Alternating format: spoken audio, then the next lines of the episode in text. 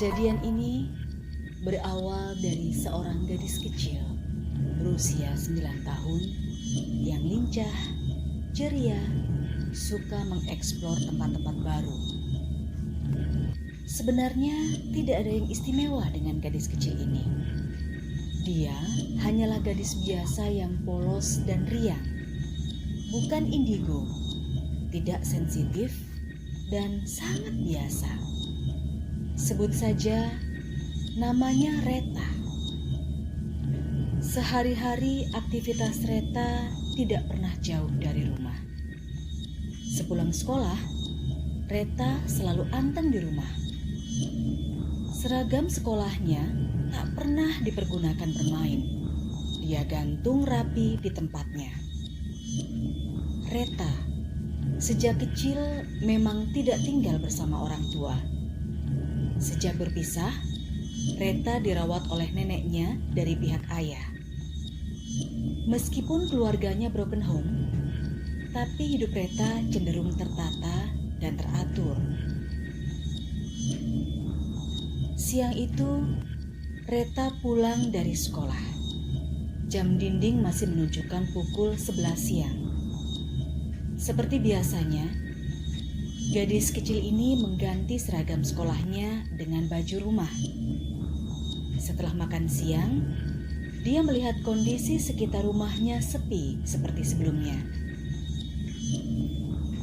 Nenek dan tante-tantenya terbiasa tidur siang, sedangkan kakeknya masih mencari nafkah di luar sana. Sebenarnya, Reta juga dibiasakan tidur siang, tapi untuk anak seusianya, hal itu seperti semacam siksaan. Alhasil, dia sering mengendap-endap keluar rumah di siang hari hanya untuk bermain dengan beberapa tetangganya. Siang itu, Reta pergi bermain bersama dua temannya. Mereka menyusuri samping rumah, lalu sampailah di kebun area belakang rumah tetangga yang hanya berselang dua rumah dari rumah neneknya. Area pekarangan itu luasnya sekitar 6 kali 15 meter. Di sana tumbuh beberapa pohon liar, satu pohon pisang, dan bagian sudutnya ada hutan bambu yang tidak terlalu lebat. Mungkin bisa dibilang sebagai rumpun bambu saja. Pekarangan ini adalah kebun belakang yang rumah induknya masih bangunan lama, bangunan Belanda. Meskipun begitu, bangunan rumah ini masih terlihat sangat kokoh ditempati secara turun-temurun yang dikenal sebagai keluarga Mbah Nganten, salah satu warga paling sepuh di kampung itu. Reta dan dua temannya terlalu asik bermain di pekarangan belakang itu. Hingga tak terasa, waktu sudah menunjukkan jam 5 sore. Tiba-tiba, "Ta, Reta, nang dia digoleki ketahuan." malah dolen nang kene. Pekik suara itu. Reta dan dua temannya kaget bukan kepalang. Itu jelas suara nenek Reta yang terkenal cerewet. Setelah dua temannya lari begitu saja meninggalkan Reta dengan neneknya, sang nenek masih lanjut dengan omelannya. Kira-kira begini artinya. Jangan pernah lagi main di pekarangan itu ya, Bahaya, ujar sang nenek. Reta hanya mengangguk-angguk, padahal tidak berarti setuju. Tidak paham juga dengan kata bahaya yang dimaksud oleh neneknya. Hari beranjak petang menuju malam hari. Reta melakukan kewajiban sholat maghrib berjamaah di musola seperti biasanya. Di perjalanan pulang, dia melewati rumah Belanda yang di belakangnya terdapat hutan bambu. Entah kenapa, matanya tertuju di area samping rumah itu, di mana dia bisa melihat samar-samar ke arah hutan bambu. Seperti ada yang memaksa melihatnya ke arah sana. Tak ada apa-apa, hanya temaram lampu 5 watt yang dipasang pemilik rumah. Reta lalu bergegas pulang ke rumahnya.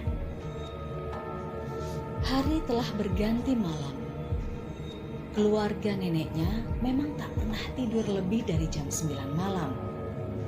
Ini pun juga jadi kebiasaan Reta. Setelah cuci kaki, beranjaklah dia ke kamar merebahkan diri. Tidak sampai 15 menit, gadis kecil ini pun terlelap. Tiba-tiba matanya terbuka kembali. Dia heran. Posisinya jongkok, matanya menghadap tanah. Pelan-pelan dia angkat kepalanya untuk melihat sekitar. Betapa kaget bukan kepalang. Bahkan gadis ini nyaris berteriak. Tapi dia urungkan. Reta mulai mengamati sekitar. Memahami apa yang sedang terjadi pada dirinya. Barulah dia mengenali bahwa saat ini dia ada di belakang rumah Belanda yang tak jauh dari rumahnya.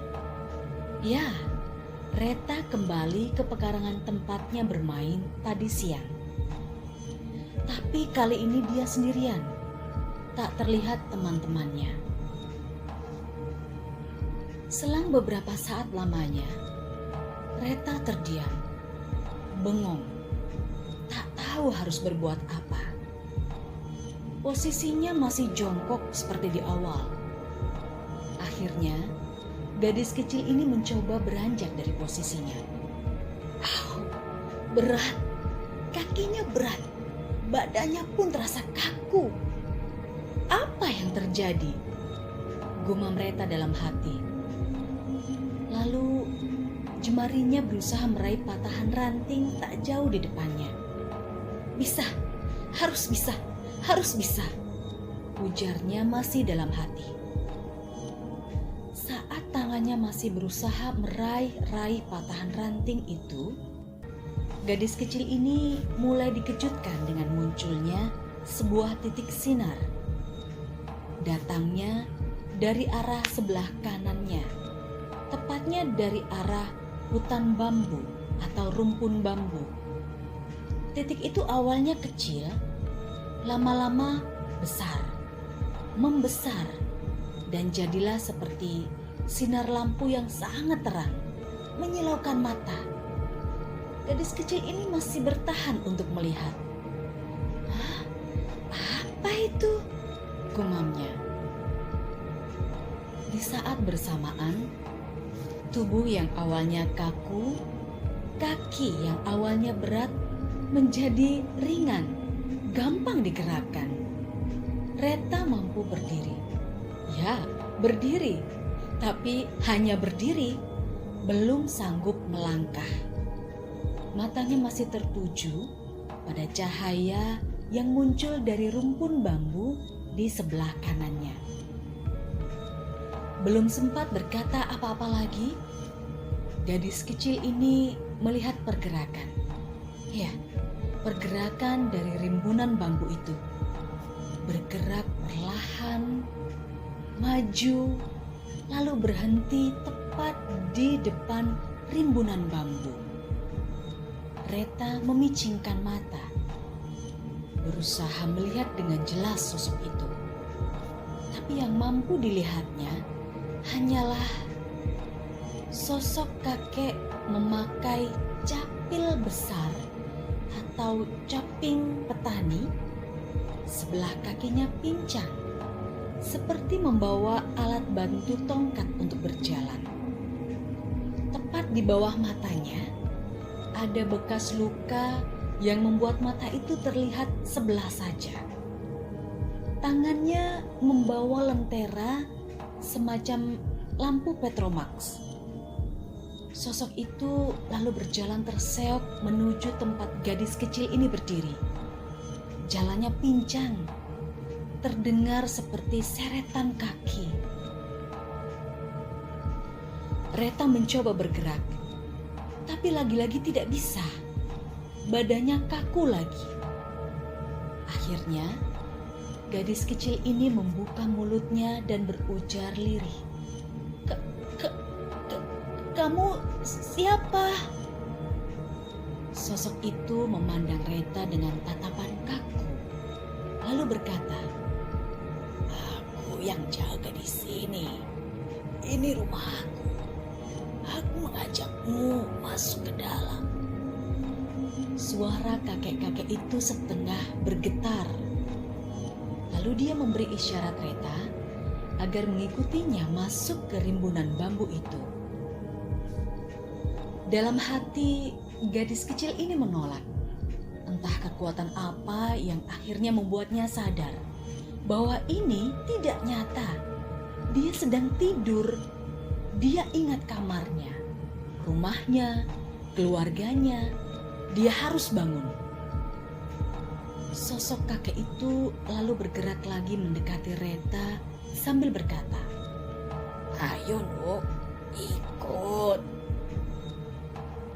menjawab.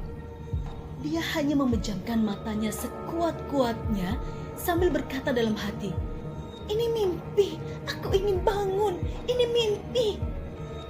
Meskipun matanya terpejam, telinga gadis kecil ini bisa mendengar dengan jelas seretan kaki sosok kakek yang mendekatinya. Tekad Reta makin kuat untuk bangun sambil berdoa mohon pertolongan Tuhan. Usahanya tak sia-sia. Sekejap kemudian, suara seretan kaki sosok kakek itu memudar. Diganti dengan suara azan yang awalnya sayup-sayup. Lalu terdengar jelas. Perlahan gadis kecil ini membuka matanya Lalu dia bisa melihat langit-langit kamarnya. Badannya bisa bergerak, tapi entah kenapa terasa sangat letih, seperti habis mengikuti lomba lari 10 km. Keesokan harinya, dia menceritakan mimpi menyeramkan ini pada Mbah Nganten, si pemilik rumah Belanda itu, yang tidak lain adalah tetangganya. Simbah hanya menjawab, Ya, syukurlah kalau kamu gak mau ikut, Dok. Tapi itu tandanya kamu sudah kenalan dengan penunggu pekarangan belakang rumahku. Kakek itu memang tinggal di sana sudah lama. Mendengar penjelasan pemilik rumah itu panjang kali lebar, gadis kecil ini tak pernah lagi bermain di pekarangan belakang area hutan bambu. Bahkan untuk lewat saja dihindarinya. Hmm, entahlah, menurut Mbah Nganten, pada malam Reta mimpi bertemu dengan penunggu hutan bambu itu, sebenarnya itu bukanlah mimpi. Tapi memang roh gadis ini benar-benar ada di pekarangan belakang dan ditemui oleh penghuni hutan bambu itu. Wallahu alam. Intinya, tak perlu percaya dengan apa yang saya sampaikan. Karena ini hanya bagian kecil dari perjalanan hidup saya.